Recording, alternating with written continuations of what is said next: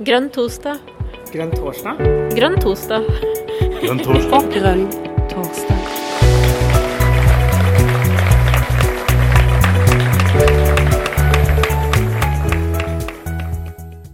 Velkommen til Grønn torsdag. I dag er vi veldig heldige. Vi har Thomas Hyland Eriksen eh, som gjest. Og jeg inviterte deg, Thomas, eh, fordi eh, ja, For det første, jeg mener å vite at du er medlem av MDG. Stemmer det. Og så nå lever vi jo i en rar tid.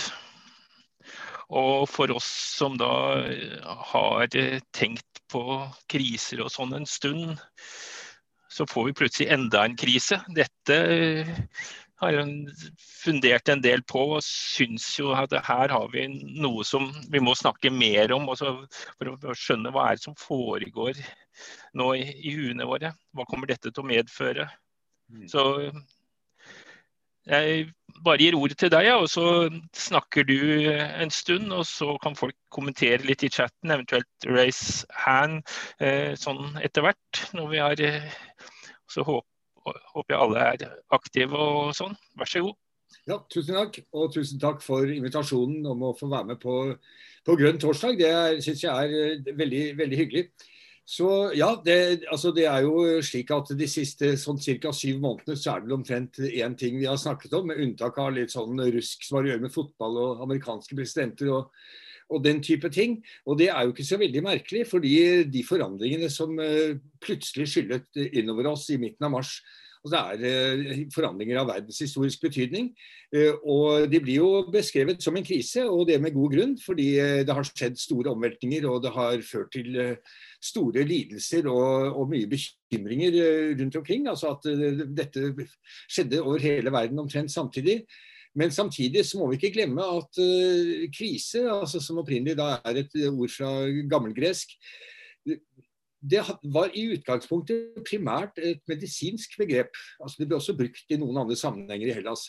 Men først og fremst var det et medisinsk begrep som viste til en høy feber og en krise hadde da to mulige utganger. Eh, man kom seg, eller man døde.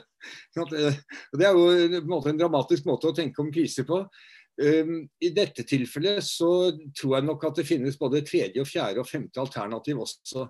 Og noe av det som har interessert meg, både som, som grønt menneske og som samfunnsforsker, det er hvilke mulighetsrom som oppstår i en sånn krisesituasjon hvor vi blir brakt ut av balanse, vi blir brakt ut av den daglige rutinen, og vi får en mulighet noe som også kjennetegner alle kriser, en mulighet til å se vårt eget liv og vårt eget samfunn og verden i et litt nytt perspektiv. Eh, nå er det kanskje mye av det jeg kommer til å si nå som ikke er så veldig nytt for dere, men eh, jeg tror at dette, eh, denne situasjonen vi har kommet i, altså at den skaper noen muligheter til å realisere noen av de grønne tankene som jeg tror alle vi som er til stede her, deler. Men la oss begynne med bare litt om eh, hva det var som skjedde i verden i mars, og hvordan vi kan forstå det. Altså En verden som hadde vært overopphetet i lang tid, ble plutselig nedkjølt over natten. Um, overopphetingen, eh, som jeg har jobbet med da, som begrep i en del år altså Jeg har bl.a. utgitt en bok med tittelen 'Overheating An Anthropology of Accelerated Change'. handler om at den akselerasjonen og veksten som vi har forbundet med kapitalismen og moderniteten i grunnen helt siden begynnelsen, helt siden begynnelsen på eh, den industrielle revolusjon, akselerasjon og vekst har på en måte vært, blitt en del av luften vi puster i, den eh, stoppet plutselig opp. Og eh, før den stoppet opp, så hadde den akselerert ytterligere. Altså Vi kan snakke om en akselerasjon av akselerasjon fra sånn rundt 1990. En dramatisk vekst, altså vekstkurver som liksom hadde sett sånn ut. Plutselig så, de, så fikk de en liten knekk og begynte å gå rett til værs. Og det gjelder for alt fra uh, antall turister i verden sant, til mengden av plast i havet. Og Det er slett ikke alt dette som har direkte å gjøre med klimaendringer, men det har i stor grad å gjøre med hva vi gjør med planeten. Det er jo ingen tilfeldighet at begrepet antropocen, som eh, nå etter hvert har etablert seg som et begrep som brukes for å snakke om vår tid, at det eh, fikk vind i seilene på begynnelsen av 2000-tallet. Så antroposen som da viser til en historisk epoke da menneskets økologiske fotavtrykk er merkbart overalt. Over hele kloden. Også der hvor ikke noe menneske har satt sin fot, som på Antarktis. Eh, og i de, dypeste delene av Amazonasjungelen hvor det ennå ikke har vært mennesker, selv om det ikke er så mange slike steder igjen. Fordi eh, klimaendringene, eh, forurensning osv. gjør at menneskets så å si, fingeravtrykk eller fotavtrykk er merkbart også disse stedene. Og den akselerasjonen, la meg bare si bitte litt mer om den, akselererte endringen, hvis dere ikke tror at det har vært en akselerasjon av akselerasjon, som er ganske farlig på mange måter. Eh, den kommer til uttrykk Nå nevnte jeg turisme. altså Antall turistankomster i verden eh, ble seksdoblet altså mellom 1980-tallet og 2017-2018. Fra ca. 200 millioner til 1,2 milliarder turistankomster eh, per år. Antall bilder som ble tatt i verden, ble tredoblet på bare fem år. Mellom 2010 og 2015. Alle vet jo hva det kommer av. Så det kommer av at nå tas de fleste bilder med mobiltelefon og at smarttelefonen kom inn i verden for alvor omtrent på den tiden.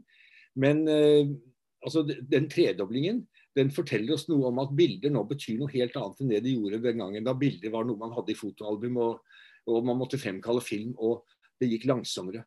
Eh, veksten i byer, særlig i det globale sør, har også vært helt eksplosiv. Altså, vi snakker om byer som eh, på 1970-tallet hadde noen hundre tusen innbyggere, og som nå har mange millioner innbyggere. Altså Fra Mogadishu i Somalia til Kinshasa, hovedstaden i Kongo.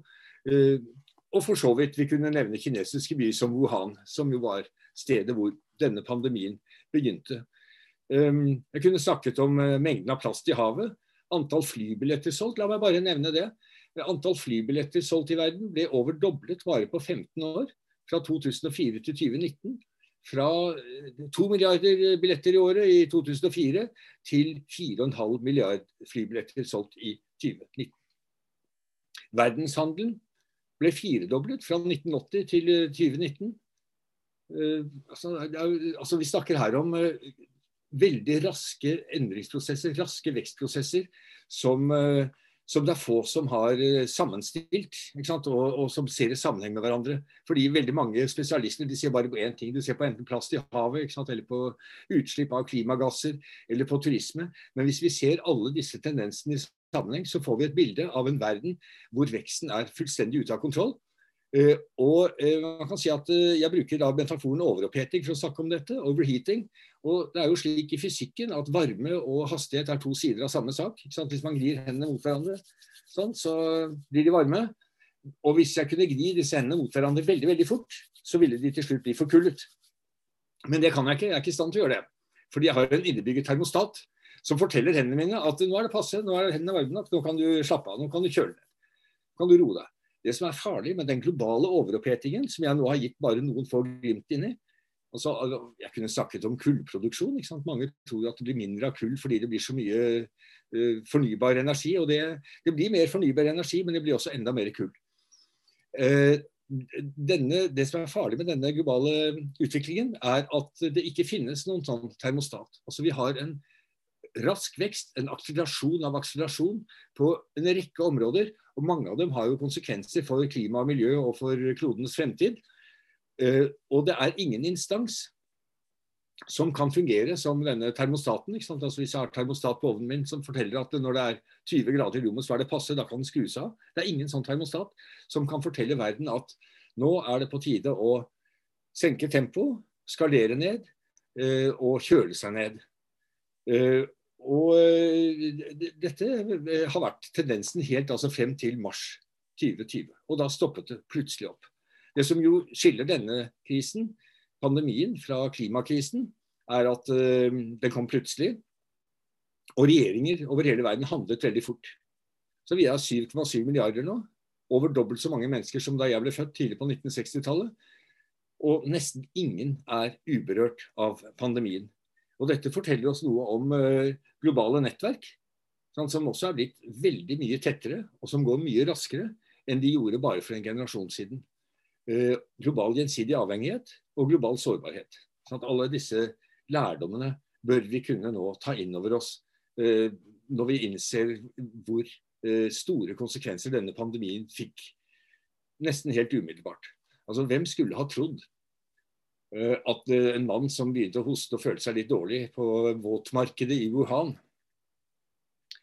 uh, ville altså at Det at han gikk der og følte seg dårlig og gikk og hostet, ville i løpet av noen par måneder føre til at folk som drev med hundekjøring på Svalbard, måtte søke staten om støtte. ikke sant? Fordi plutselig hadde de ikke noen kunder, men de måtte jo gi hundene mat.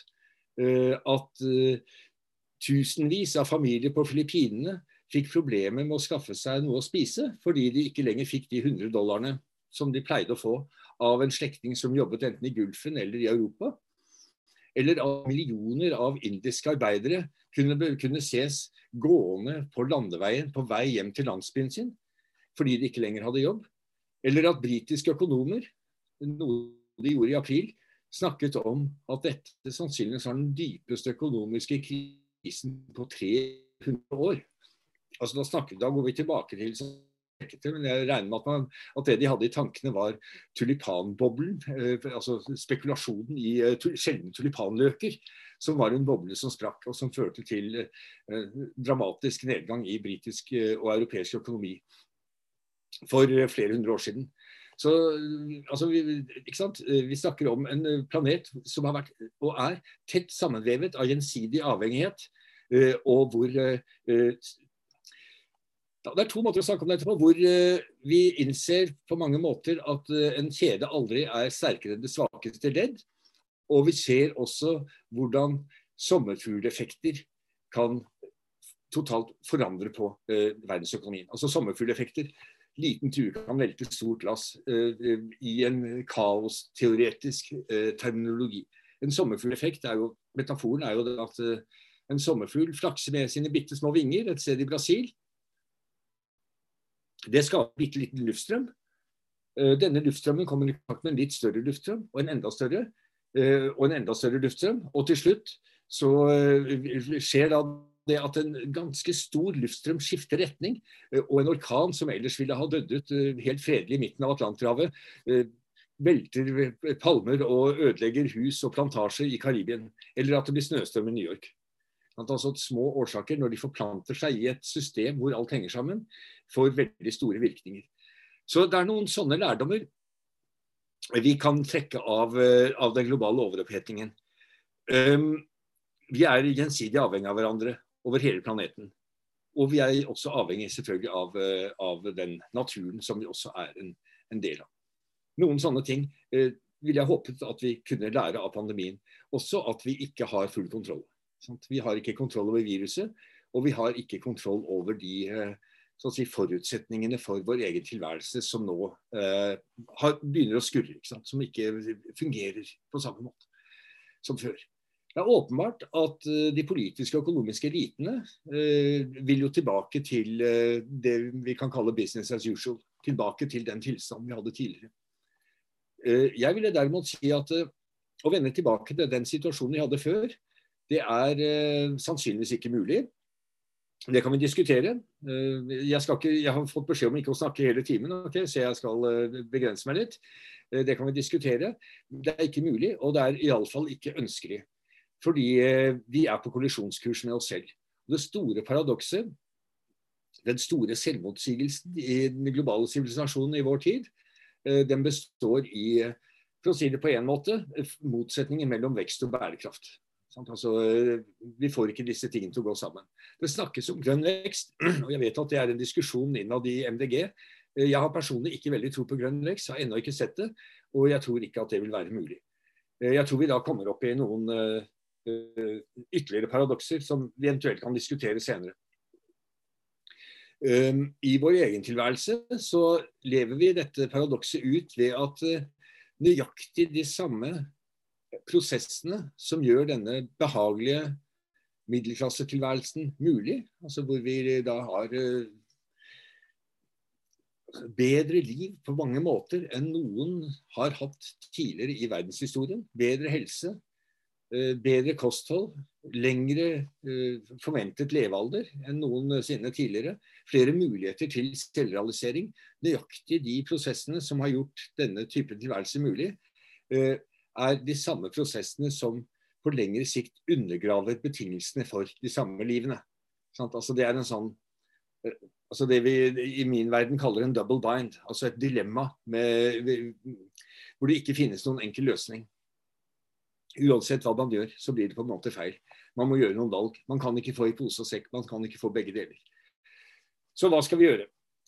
Og hva har vi lært? Jo, vi har lært noe om sårbarhet. Jeg tror også at vi forhåpentligvis at vi har lært noe av uh, at vi ikke har full kontroll, og at uh, når det oppstår en krisesituasjon, så vil veldig mange mennesker sette trygghet og helse foran uh, vekst og velstand og frihet. Trygghet og helse går foran. Dette har vi bl.a. sett i reaksjonene rundt omkring i verden, ikke minst i Norge, på relativt uh, strenge tiltak som har vært iverksatt i forbindelse med pandemien. Og da har myndighetene plutselig klart å gjøre noe veldig raskt, noe de aldri gjør uh, når det er snakk om uh, klimaendringer. Da sier de at ja da, ja da, i løpet av noen tiår så skal vi nok få dette til. Ehm, og vi har ikke sett så veldig overbevisende tegn til det foreløpig, må jeg si, når det gjelder klima. Statsbudsjettet var en stor skuffelse. Det ble lagt frem nå i går i Norge. Men det samme mønsteret ser vi i nesten alle andre land. Eh, at vi er ikke i nærheten av å oppfylle de eh, klimamålene som, eh, som vi har forpliktet oss til. Gjennom avtaler som begynte i Kyoto på 1990-tallet, og som har fortsatt utover i, i vårt århundre. Men når det gjaldt pandemien, så viste det seg at hvis de vil, så kan myndighetene faktisk iverksette ganske dramatiske tiltak veldig fort.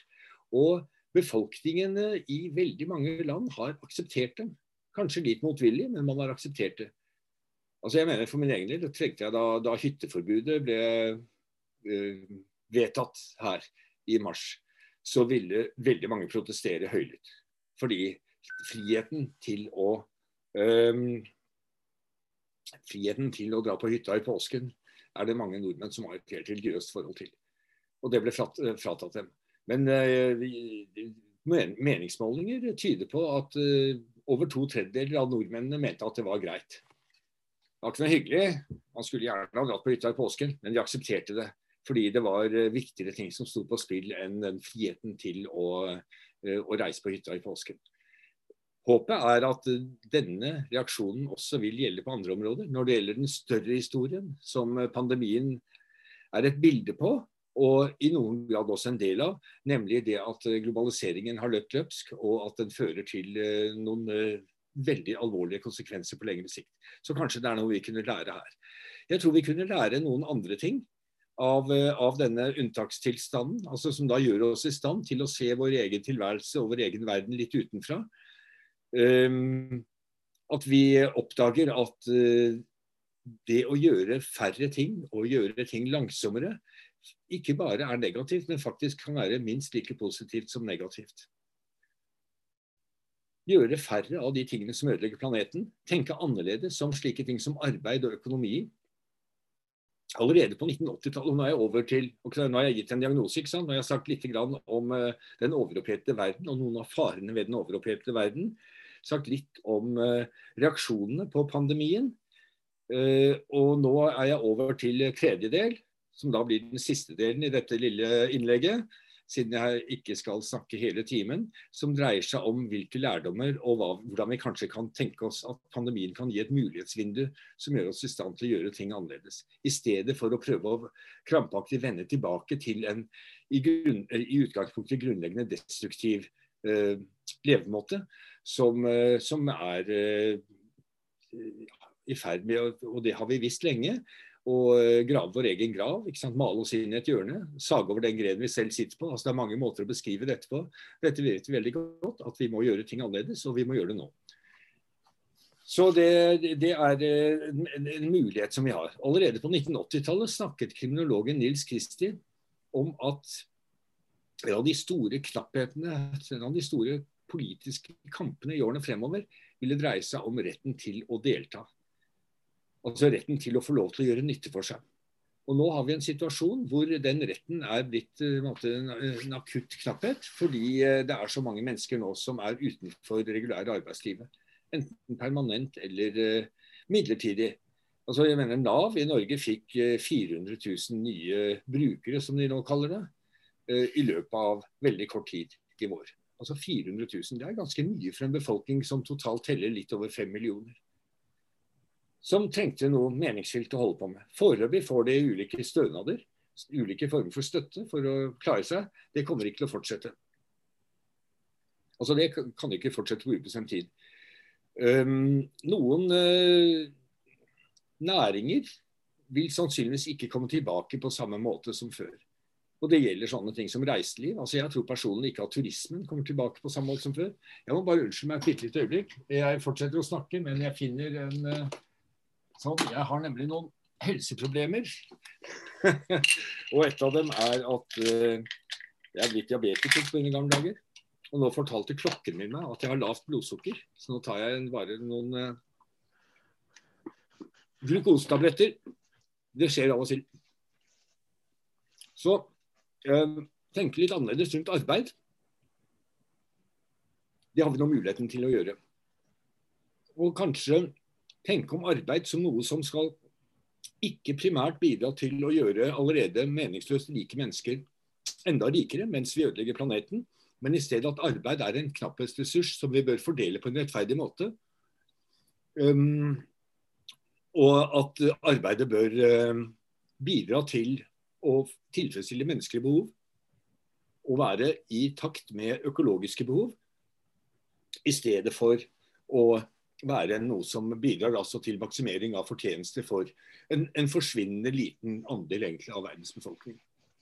Så det, det, kan vi også snakke mer om. Men der har vi også sett tendenser.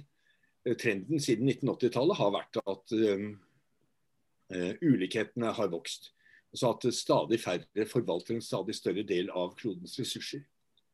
Og gjør det ikke på en særlig bærekraftig måte. Så nå har vi faktisk mulighet til å innse at vi lever på en planet med begrensede ressurser. Sånn, det, det er noe som dere og jeg har visst lenge og som eksperter har visst lenge, og som klimaforskere, miljøaktivister, grønne bevegelser over hele verden har visst lenge.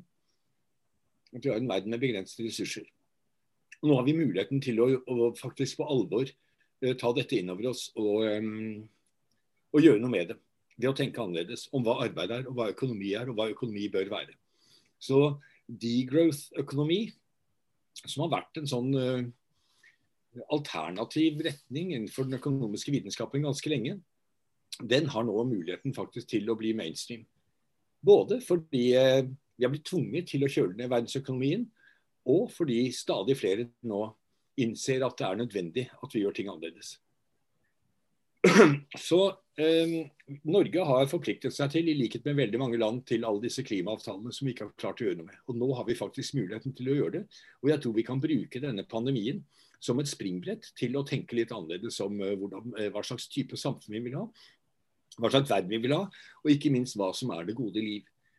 Fordi eh, vi nå har hatt muligheten til å lukte litt på andre måter å realisere det gode liv på enn gjennom stadig økt forbruk. Så jeg er optimist. Jeg tror fremdeles at vi kan bruke pandemien til å reorganisere, tenke annerledes, reorganisere økonomien tenke annerledes om fremtiden og bruke den til um, å realisere noen andre uh, samfunnsmessige idealer. Ok, Da uh, avslutter jeg, siden jeg fikk beskjed om 20 minutter. Nå har jeg snakket litt over 20 minutter. Um, ja. Og, Nei, det er bra. Ja, fint. Og da du er vel flink for innvendinger ja. og kommentarer og spørsmål. Ja, da er det sånn at dere, dere, som har lyst til å kommentere litt, stille litt spørsmål, dere får eh, tegne dere enten helst med raise hand, men, men finner dere ikke ut av det, så finner dere vel sannsynligvis chat. Så kan jeg prøve å holde oversikt der. Så får vi se om det er noen som kaster seg på. Det pleier alt, alltids være noen. Der kom den første, ja. Så skal vi se. Men eh, en ting jeg har tenkt på, eh, Thomas, ja, ja disse flya flyselskapene. Eh, jo, altså det er jo så lange prosesser, det med sånne reiser. og det, Jeg tror heller ikke det kommer tilbake igjen eh, til sånn som det var. Det vil jo være veldig snodig. Men det at da staten ender opp med å gi masse penger til disse flyselskapene De som har bestemt det, tror de at eh, det kommer tilbake igjen, eller er det andre krefter? som er, det, det, er sånn, det, er, det er liksom sånn snodig reaksjon. For liksom det, det, må da være penger ut av vinduet? ja. Ja, eh, ja, akkurat flyselskapene um, altså det, I en viss forstand er de kanskje too big to fail, fordi flyselskapenes virksomhet henger jo sammen med andre økonomiske aktiviteter. Um, det, altså Hvis vi tar turismen, eh, man regner med at eh, turismen i verden står for noe sånt som 10% av verdensøkonomien. Og Sannsynligvis er det mer, fordi veldig mye av eh, den økonomiske virksomheten som er knyttet til turismen, er jo uformell sektor. Altså den, det, er, det, er, økonomisk aktivitet som da ikke måles i nasjonalregnskaper, men som kan være ekstremt viktig fordi den gir veldig mange mennesker noe å leve av. Det kan være alt fra folk som da driver utleie av uh, kajakker på Den dominikanske republikk, til folk som kjører taxi i Gambia. Eller har en liten kafé på Filippinene, og som er avhengig av turister. Eller i formell sektor så er det da liksom alt fra bagasjehåndteringen på Gardermoen flyplass til uh, hoteller i Hemsedal. Så, så, det er en veldig stor virksomhet. Eh, men, og jeg har en sterk følelse av at eh, den masseturismen, den industrialiserte turismen, som eh, jo har vokst da helt enormt i løpet av en generasjon, med de konsekvenser det får både for lokal økonomi i lokalsamfunn i sør og nord, og for klima og miljø, at den ikke kommer tilbake på samme måte. Altså Jo da, kan, vi kommer til å reise igjen, men vi kommer ikke til å reise like ubekymret. Man setter tenk deg den, altså med hensyn til smitte og virus og, og den type ting. At du, du, setter deg nå inn i, i den metallsylinderen hvor det er masse resirkulert luft som, som, flyter omkring. Etter at du har vagget omkring på en flyplass hvor du da kommer i nærkontakt med folk som har vært i grunnen overalt, og som har flyplassen som en sånn møte, møteplass, et veikryss for folk som da har kommet reisende fra nær og fjern. Og så eh, kommer du da til slutt til hotellet ditt i Spania eller Hellas eller hvor det måtte være. og så ser du på svømmebassenget og så tenker du at ja, jeg kanskje vente litt med å bade i det svømmebassenget. Det er ikke sikkert at det er helt trygt. Så jeg bestiller en drink i stedet. Og så kommer denne drinken, da. Så ser du på den, ikke sant. Og ja. Hvem er det som har holdt i dette glasset? Hvem er det som har tatt på dette glasset? Hva er det oppi den? Dette sugerøret, bør jeg egentlig suge av det? Altså, Alle bekymringer av den typen vil melde seg, og folk vil ha dem i bakhodet i lang tid fremover.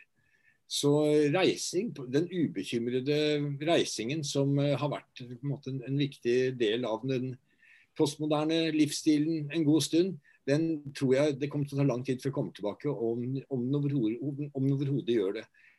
Og I stedet for reisingen så har vi jo nå det siste halvåret holdt oss stort sett i nærheten av teltene. Vi har gått turer i nærmiljøet, vi har bakt surdeigsbrød, vi har tatt opp strikking. ikke sant? Vi har gjort langsomme ting i nærmiljøet. Og mange har lært seg å sette pris på uh, dette her. Og vi har også oppdaget at veldig mye av reisingen var overflødig, den var unødvendig. Uh, altså, jeg mener, noe av første, En av de første tingene som jeg var med på etter, etter nedstengningen, var et uh, møte om livet etter korona. ikke sant? Hvordan ser vi for oss verden og livet etter korona? Og Dette møtet ble organisert av noen folk i Brussel. Men det var jo, de fleste av deltakerne var jo ikke i Brussel. Jeg satt hjemme i huset mitt. Andre var i ulike europeiske land. En av de som stilte spørsmål, satt i England. En annen var i Hongkong. Eh, og det møtet fungerte helt fint uten reising. Så jeg tror ganske mange har oppdaget muligheten av å gjøre eh, mye av det vi tidligere gjorde, tidligere, eh, tidligere gjorde ved å sette oss liksom, et fly klokken syv om morgenen hjemme hos oss selv. Og det sparer vi penger på, selvfølgelig. Eh, de som organiserer møtene, sparer penger. Klima eh, blir jo ikke påvirket på samme måte. Eh, og de som deltar, sparer tid.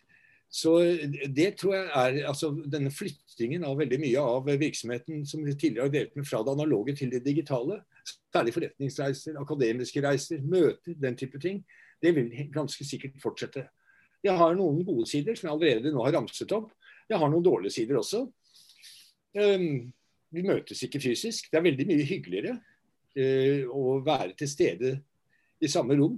Og Derfor fortsatte vi jo med all denne reisingen helt frem til mars i år. Selv om vi visste at dette var et slit å stå opp halv fem om morgenen for å rekke liksom halv syv-flyet til Bergen eller København. Eh, det var ikke bra for miljøet, og det kostet en god del penger. Og Likevel fortsatte vi å gjøre det, fordi vi visste at det å være til stede sammen fysisk, eh, det gjorde noe som eh, var bra for oss. Vi fikk minner, vi fikk erfaringer, vi møtte folk, vi ble kjent med folk. Vi kunne ta kaffepauser. Sånn at vi kunne gjøre en masse ting som egentlig ikke var nødvendig. Men kanskje var det unødvendige som var det viktigste når det kom til stykket, nemlig det å være sammen. Men likevel, til tross for dette, så tror jeg nå at uh, altså, krisen som en uh, sånn katalysator og forstørrelsesglass uh, har nok lært oss at det er ikke nødvendig å vende tilbake til all denne frenetiske reisingen med fly. Så når staten og myndigheter i forskjellige land holder liv i flyselskapene nå med kunstig åndedrett, er ikke det er noe som kommer til å vare. Så de kommer ikke tilbake. Mange kommer til å gå under. Og da blir det viktig at vi tenker litt annerledes om hvordan økonomien skal se ut i fremtiden. Fordi på kort sikt så gjør dette vondt. Men det kan godt hende at dette på lang sikt, at disse omstillingene ikke er så mye verre enn når man har la oss si, et plastelapp, en plastelapp på en hårete legg, og, og, du river den av deg. Og det gjør veldig vondt med en gang. Men så går smerten over forbausende fort. Og så oppdager man at ja, det var egentlig greit å få revet av den plastlappen. Takk. Eh, da har du en eh, nesten navnbror som også har lyst til å si noe. Han er, eh, sitter i kommunestyret i, i Ringsaker. Thomas Eriksen, er det liv i deg?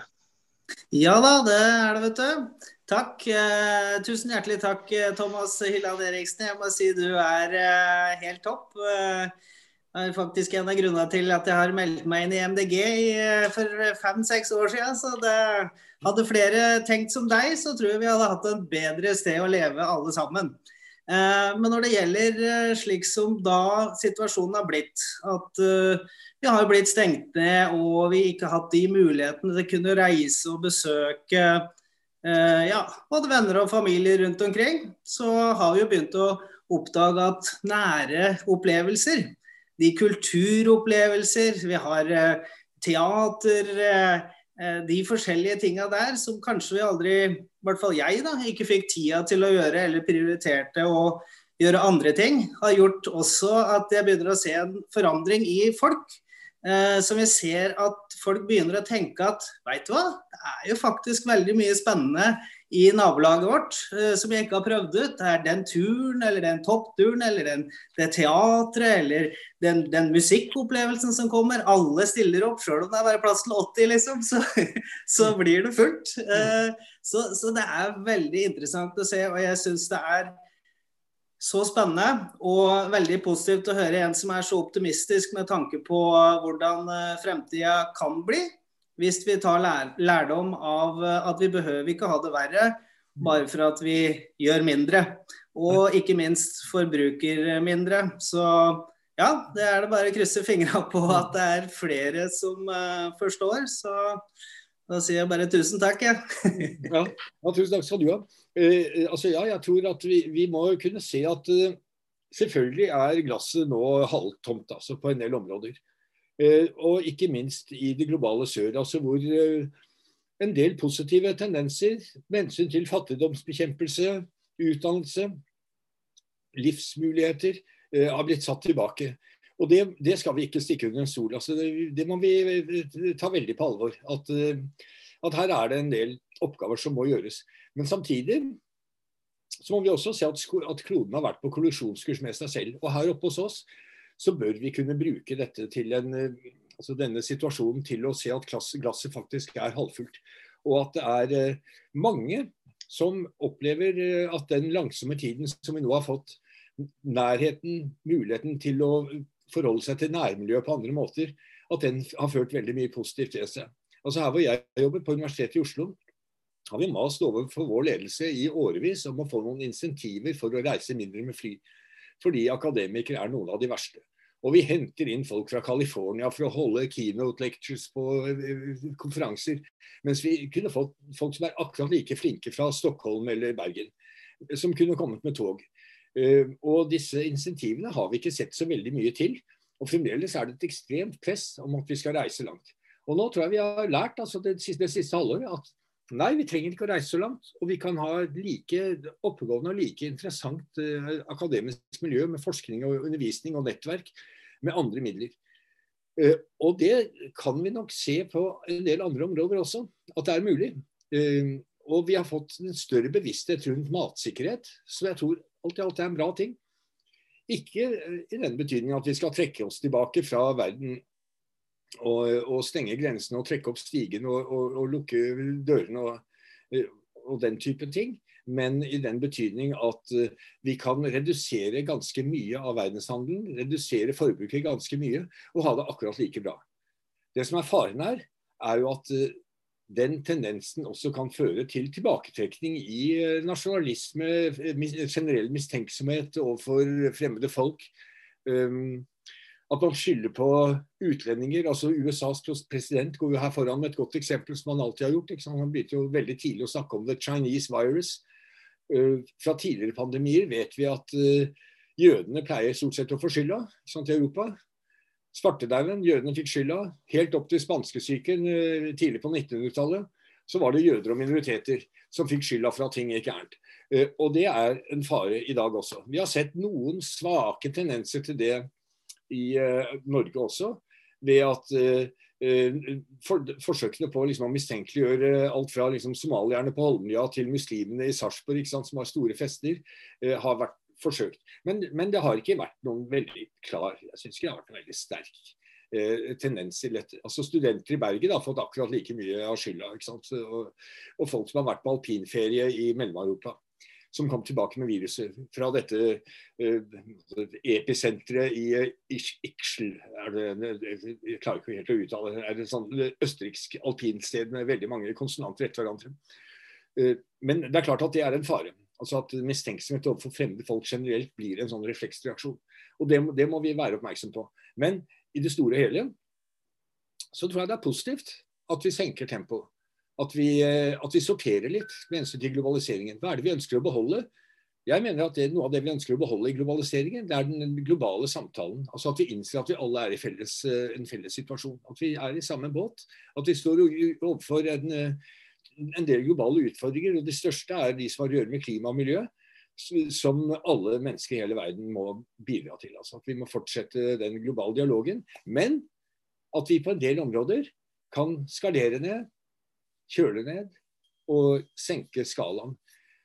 Fordi et av de største problemene i globaliseringen er det voksende skalagapet man si, mellom uh, folk flest, lokalsamfunn, uh, deg og meg, og de som tar beslutninger som påvirker vårt, våre liv. Altså som tar de store beslutningene. Sånn at gapet mellom store corporations og makten, den økonomiske makten og folk flest vokser.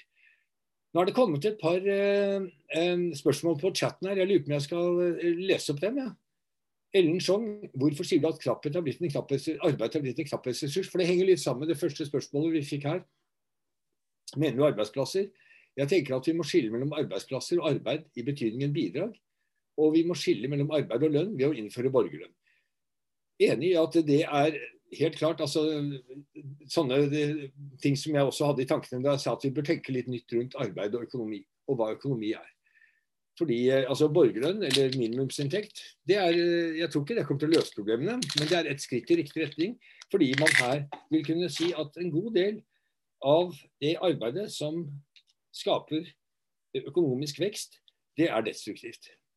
Det har hatt noen destruktive sider. På den annen side så er arbeid og behovet for å delta og behovet for å få lov å gjøre nytte for seg og få anerkjennelse for det, veldig grunnleggende for mennesker. Men at det ikke trenger å være lønnsarbeid, og at det er mange typer lønnsarbeid som nærmer seg i grunnen det som min eh, amerikanske kollega, eh, som dessverre døde plutselig her for en måneds tid siden, David Graber, snakket om som bullshit jobs. Altså jobber som ikke gjør planeten et bedre sted, som ikke gjør den som har jobben spesielt lykkelig, Eh, og som ikke bidrar til at eh, folk generelt får et bedre liv. Men han undervurderer noen ting når han snakker om bullshit jobs i, i denne boken, som også er kommet ut på norsk. Eh, og det er behovet vi har for å ha en jobb å gå til. For å bidra. For å føle at vi gjør nytte for oss, og for å få anerkjennelse. Men det kan gjøres på andre måter. Og det håper jeg at vi nå eh, kan lære av, eh, av denne krisen at det er mange måter å bidra på. Og at det å bidra til økonomisk vekst bare er en av dem. Og at den har så mange destruktive sider at nå må vi tenke litt utenfor boksen. Omsorgsarbeid. Um, jobbe med hendene sine. Drive med gjenvinning. Bidra til sirkulærøkonomien. Og gjøre mindre. Altså gjøre mindre av det som ødelegger planeten. Det er eh, nå en fantastisk mulighet til å gjøre det. Og det er jo skuffende at eh, politikerne i de tre store partiene i Norge ikke er i nærheten av å komme med den type forslag, men at det er sånne folk som oss, altså i Miljøpartiet, og noen av de andre små partiene, som kommer liksom og eh, antyder at faktisk kan vi bruke denne krisen til noe positivt, nemlig å tenke litt annerledes om hva som er det gode liv. Og vi har en enestående mulighet i dette landet her, som er så rikt, som er så velorganisert, som er så konfliktfritt på så mange måter. Og vi har så store ressurser, både menneskelige og på andre måter, til å nettopp gå foran med et godt eksempel.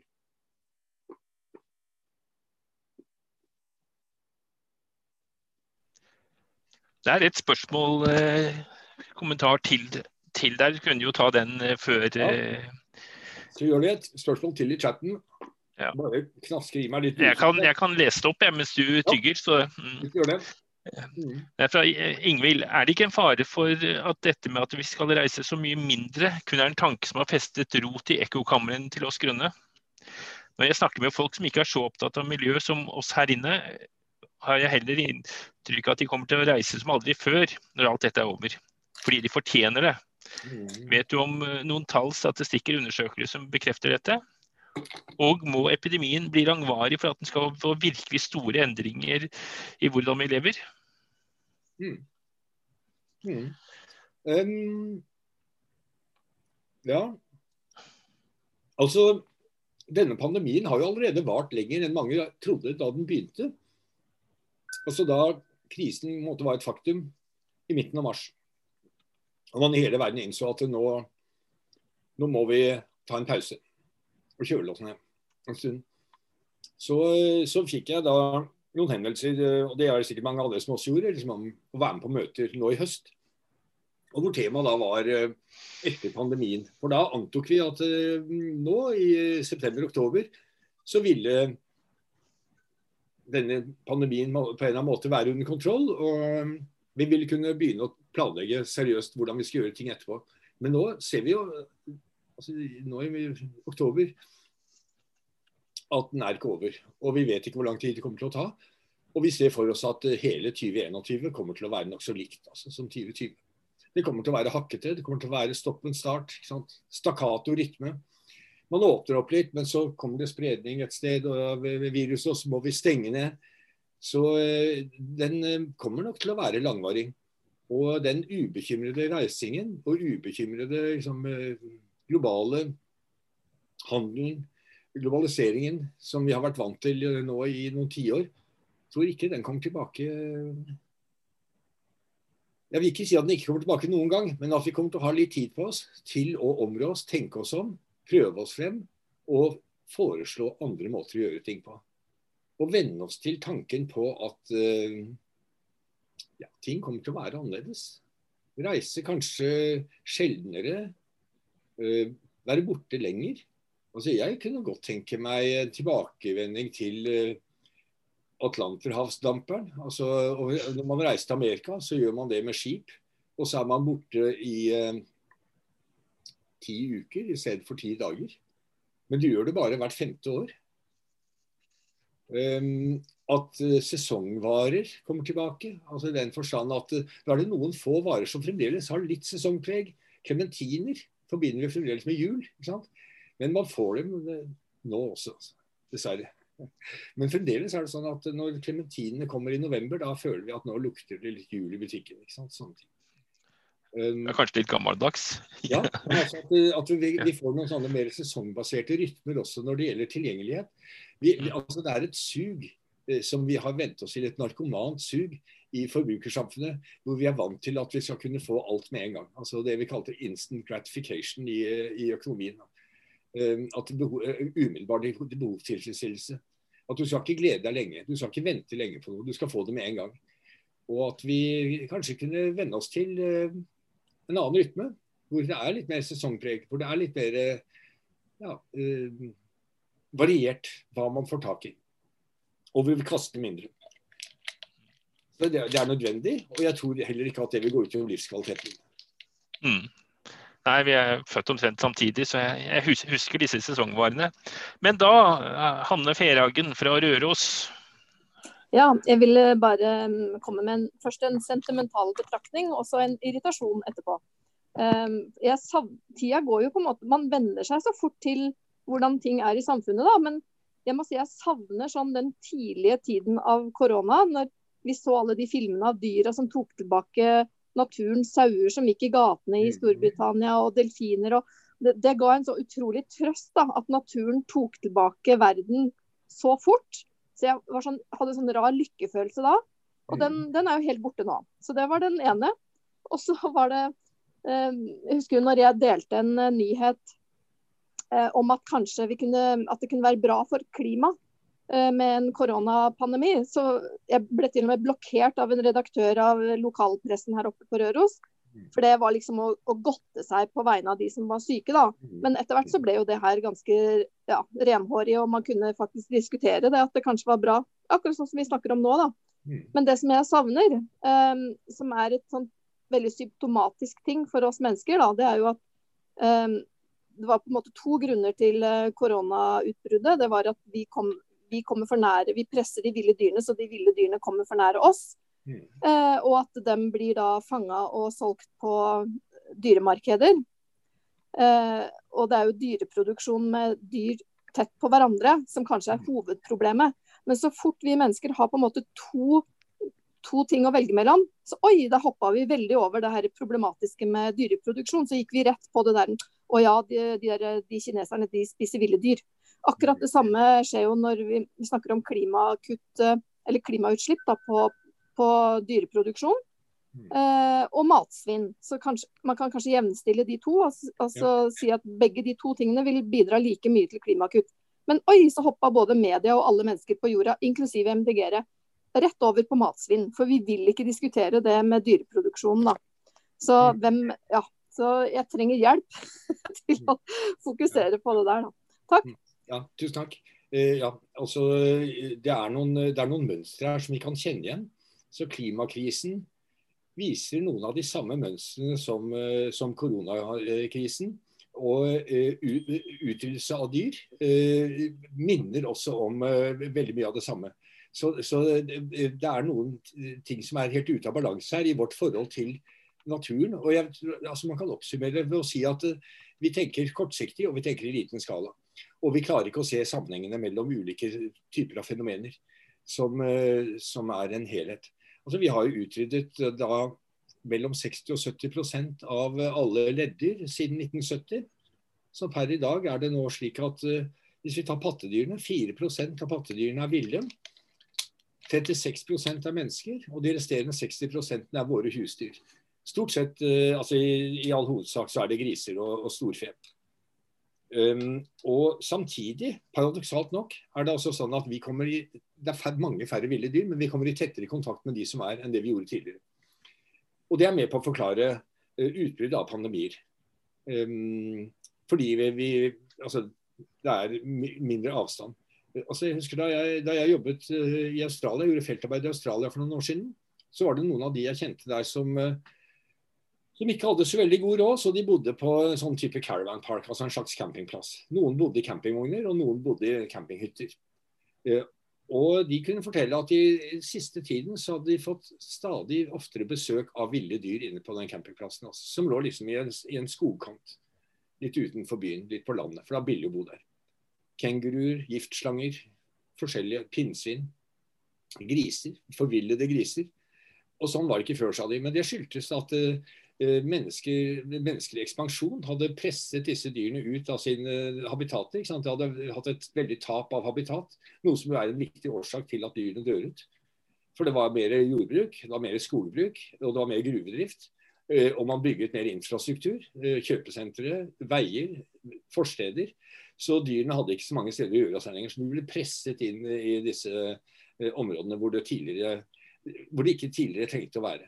Altså en, eh, en, eh, som mange har et forhold til som visjonær, fantasifull person. Han er nå 100 år gammel og fortsetter å skrive, nemlig James Lovelock var den som da på 60-tallet eh, foreslo metaforen Gaia for å snakke om eh, vår planet. Altså Gaia-metaforen det er en metafor, det er ikke en, en beskrivelse, men det er en måte å tenke på. Se på, eh, se på planeten som en organisme. Altså Gaia var jo jordgudinnen i det gamle Hellas. Som en slags organisme, som et selvoppholdende system. Og han mener jo at uh, Gaia uh, klarte liksom å reparere mye av skaden vi gjorde veldig lenge, da det ikke var så mange av oss. Altså For et par hundre år siden kunne vi gjøre omtrent det vi, som falt oss inn, og planeten ville fremdeles liksom klare å gjenopprette sin økologiske balanse. Men, men, nå har det gått for langt. Nå klarer den ikke det lenger. Så nå trenger vi naturvern. Naturen er ikke lenger i stand til å klare seg selv. Og Lovelock foreslo en av sine siste bøker, han skrev til han var sånn i slutten av 80-årene, han er stadig en av de mest originale tenkerne om eh, natur og miljø, og ganske kontrasjell også på noen områder. Men han foreslo da at eh, hva om vi delte planeten inn i tre? En tredjedel bruker vi til matproduksjon. En tredjedel der kan mennesker bo, stort sett i byer. Eh, fordi de kan være miljøvennlige hvis man har liksom, gjenvinningssystemer som, som er velfungerende. Og den resterende tredjedelen det skal være villmark. Og der skal vi ikke ha noe sånn, ikke noe David Attenborough, ikke noe Sverre M. Fjelstad. Ingen skal ut der og ta bilder, og, og ingen safariturisme. Den skal få være i fred. Den tredjedelen skal få være i fred. Og den tredjedelen fins ikke lenger. Ikke den, den, skrumper inn mer og mer og, og blir mindre og mindre. Så den eneste løsningen jeg ser, Altså Jeg, jeg syns det kunne være en god idé at vi ble færre. Men det er ikke så viktig. Fordi det er, det er jo 20 av oss som uh, forbruker mest. 20% av oss som bruker over 80% altså Det er ikke de ikke slumboerne i Mumbai og Lagos som er problemet, det er dere og jeg. Det er vi som, som er problemet. Og folk i California. Altså Los Angeles hadde for en, en del år siden nå er det ikke helt riktig lenger, men for en del år siden hadde Los Angeles et høyere energiforbruk enn hele India. Men nå har jo India begynt å komme på banen. da, Høyere kullforbruk og flere biler og, og flere iPader og osv. Og, og flere deilige ferier og, og flyreiser og osv. Men, eh, men, eh, poenget er altså det at eh, vi må rett og slett sannsynligvis bli litt færre. Men vi må iallfall senke tempoet, forbruke mindre, gjenvinne mer og rett og slett kjøle oss ned og roe oss ned. Altså. Og Derfor tenker jeg som så at denne pandemien den er ikke positiv. Jeg tror vi skal være litt forsiktige med å si at den er positiv, men vi kan si at den er en stor krise. Den er en global krise, og den, den, den skaper masse problemer og destabilisering og, og, og, og elendighet. Men uh, den kan likevel føre noe positivt med seg ved at den kan tvinge oss til å skifte spor.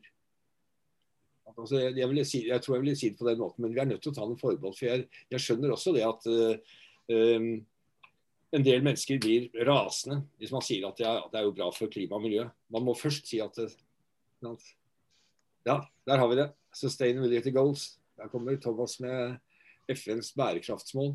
At den kan faktisk hjelpe oss å oppfylle noen av de målene som vi ikke har vært i nærheten av tidligere. Men gjør, det skjer ikke av seg selv.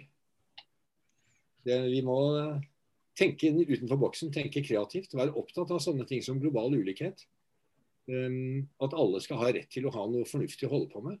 Men det vil skifte likevel debatten. Jeg føler nå at etter at denne pandemien kom, så har vi fått liksom noen ordentlige utfordringer å snakke om. Noen seriøse, vanskelige, nødvendige problemer som vi er nødt til å ta tak i.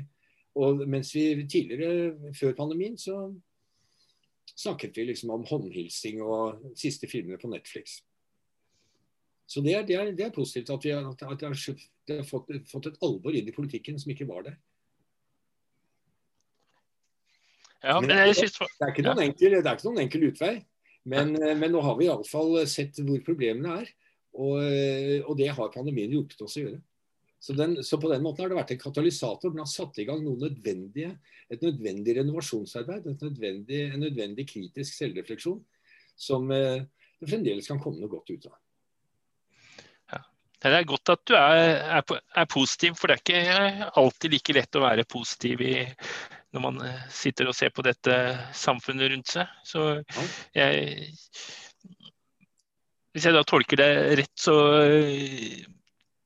det, altså, kriser medfører en endring, og nå har vi muligheten til å påvirke retningen mer enn vi har i altså si for seks-sju år siden. Da. Altså, nå, er det, nå, er det, mange ting som er i spill, for å si det sånn. Mm. Jeg tror det. Og nå er det et spørsmål og jeg tror er en veldig fin uh, avslutning, for vi skal jo bare holde på en time. Mm. Tiden går. Tror du vi som klode klarer å da, ta denne dialogen rundt klima og miljø? Det er så mange land som nå er opptatt av veksten i økonomien. Tror du vi klarer å snu politisk til nullvekst, nedsatt forbruk? Ja, jeg tror det. Eh, altså jeg vil svare det samme. Altså jeg, svarte, jeg, var, jeg, var, på Slottet for et par uker siden eh, og, og, fikk lov å snakke for dem i 20 minutter om eh, det jeg mente var de store utfordringene. og Da var det klima og miljø, og så var det pandemien. ikke sant? Og Det var veldig mye langs de linjene som, som jeg har snakket nå. Um, men da hadde jeg litt høyere blodsukker og litt, var litt mer strukturert. ok? Men det var veldig likt. Uh, og da, altså Kronprinsen kom med akkurat den innvendingen. ikke sant? Han sa ja, det er enig i det du sier, ikke sant? men er dette egentlig realistisk når vi ser rundt oss i verden? Se på USA, se på Russland, se på Kina, altså de, India. altså De landene som er på en måte motorene i verdensøkonomien, de har jo ikke akkurat ledere som, som tenker altruistisk, tenker langsiktig, solidarisk, globalt eh, osv. Og, så og noen av dem er jo ikke, er ikke navla engang. Ikke sant? Altså, de er jo ikke rasjonelle. Tenker bare på seg selv. Så eh, er dette egentlig realistisk? Og Mitt svar på det er eh, altså Pippi Langstrømpe sier jo i av beste, et av sine beste øyeblikk at eh, vel, den som er veldig sterk, må også være veldig snill. Um, og hun er jo snill. For hun skjønner at hun har et ansvar. Og jeg ville si det sånn at eh, Den som har det veldig bra, har også et ansvar til å tenke på dem som ikke har det så bra. Og vi som har muligheten, vi som har, sitter på den grønne gren, vi har mat i magen, vi har, trygg, vi har trygghet. Vi har et, som jeg sier, et velorganisert samfunn uten veldig dype konflikter. Eh, vi har faktisk et ansvar eh, til å tenke på de som ikke har det fullt så bra. Og vi har også muligheten til å løfte blikket og um, punch above our weight, som vi sier på engelsk. Altså, vi, er, vi, er, et lite land, men vi kan gjøre en forskjell fordi vi kan, gå, vi kan gå foran med et godt eksempel. Og det har vi muligheten til å gjøre, et ansvar til å gjøre det. Jeg ser at uh, New Zealand, som er samme, land som, samme type land som Norge, de gjør faktisk det. Altså, de har en statsminister som uh, har opprettet kvoter for klimaflyktninger fra lavtliggende koralløyer i Stillehavet. For hun ser at det kommer til å bli behov for, og det kan New Zealand gjøre. Og hun tenker også ganske progressivt rundt sånne ting som arbeid. Retten til å delta. Som ikke bare skal være en sånn, sånn kapitalistisk profittmaskin for noen få rike. Dele på arbeid, eh, livskvalitet, det gode liv, ikke sant? forbruk. Eh, og det kan vi også gjøre i Norge. Så det er mitt svar. Og hvis det går gærent, så skal i hvert fall ingen komme her og si at vi ikke har prøvd. Så det er lett å legge seg ned og, og, og deppe og tenke at dette er umulig og jeg klarer aldri å løse disse problemene. Men vi kan skalere ned problemene, tenke lokalt, som vi pleide å si på 70-tallet da Jon og jeg var unge gutter. Eh, tenke, tenke, eh, tenke, globalt, handle lokalt. Men vi kan også ofte handle lokalt og tenke globalt. Nei, lokalt, eh, handle globalt og tenke lokalt. Vi kan snu på det også. Begge deler. Men iallfall tenke globalt og handle lokalt. Salerende, sånn at det blir håndterlig. Um, jeg kan ikke redde innlandsisen på Grønland, men jeg kan gjøre det, jeg kan gjøre mitt. Um, og da har vi iallfall gjort beste, vårt beste. Det er det, kan, det er det, vi kan, gjøre. Vi skal ikke gi opp. Nei. Og husk på at uh, de som var mot slaveriet på slutten av 1700-tallet, de ble også avvist av uh, både filosofer og økonomer og politikere som urealistiske utopister og bleeding hearts. Som, uh, som ikke kom til å få til noe som helst. Og Så gikk det 30-40 år, og så var det slutt på slaveriet. Alle problemene var ikke løst, men de fikk iallfall til det. De som gikk inn for kvinnelig stemmerett, de ble også ledd ut. De som gikk inn for at samer skulle ha rett til land og vann, de ble også betraktet som urfolksromantikere og man ikke hadde skjønt eh, hva, politikk egentlig handlet om, for det dreier seg jo tross alt om makt og, og, og sånne ting. Mm. Tar det, det siste spørsmålet fra Ann der, så ja. På nyhetene i dag så vi at New York Stock Exchange har åpnet til å selge vann som commodity. Hva tenker du om det? Vel, om det tenker jeg at Hør nå. På 50-tallet var det en reklamemann var kjempegod. Han sa kunne selge hva som helst. Han sa at jo, hvis jeg bare får det rette reklamebudsjettet og, og tilgang til TV og, og, kino, så kan jeg selge vann på flasker. Og kan kalle det liksom sånne ting. Og, og nå ser vi altså, ja, Da jeg var i Australia, jeg merket at det, det var noe, de solgte jo vann, ulike merker vann i butikken. ikke sant? Vannet i springen var helt fint. Det var ikke noe gærent med det. Det var kanskje litt klor, men uh, helt fint. Og noen, noen av disse vannflaskene hadde veldig lekker fasong. Da. Veldig stilig design. Og de koster liksom 100 kroner flasken. ikke sant? Og de het Voss og kom fra Norge. Han hadde blitt fraktet over hele planeten for å komme igjen, eh, inn i en kolonial i Sydney og selges til 100 kroner flasken.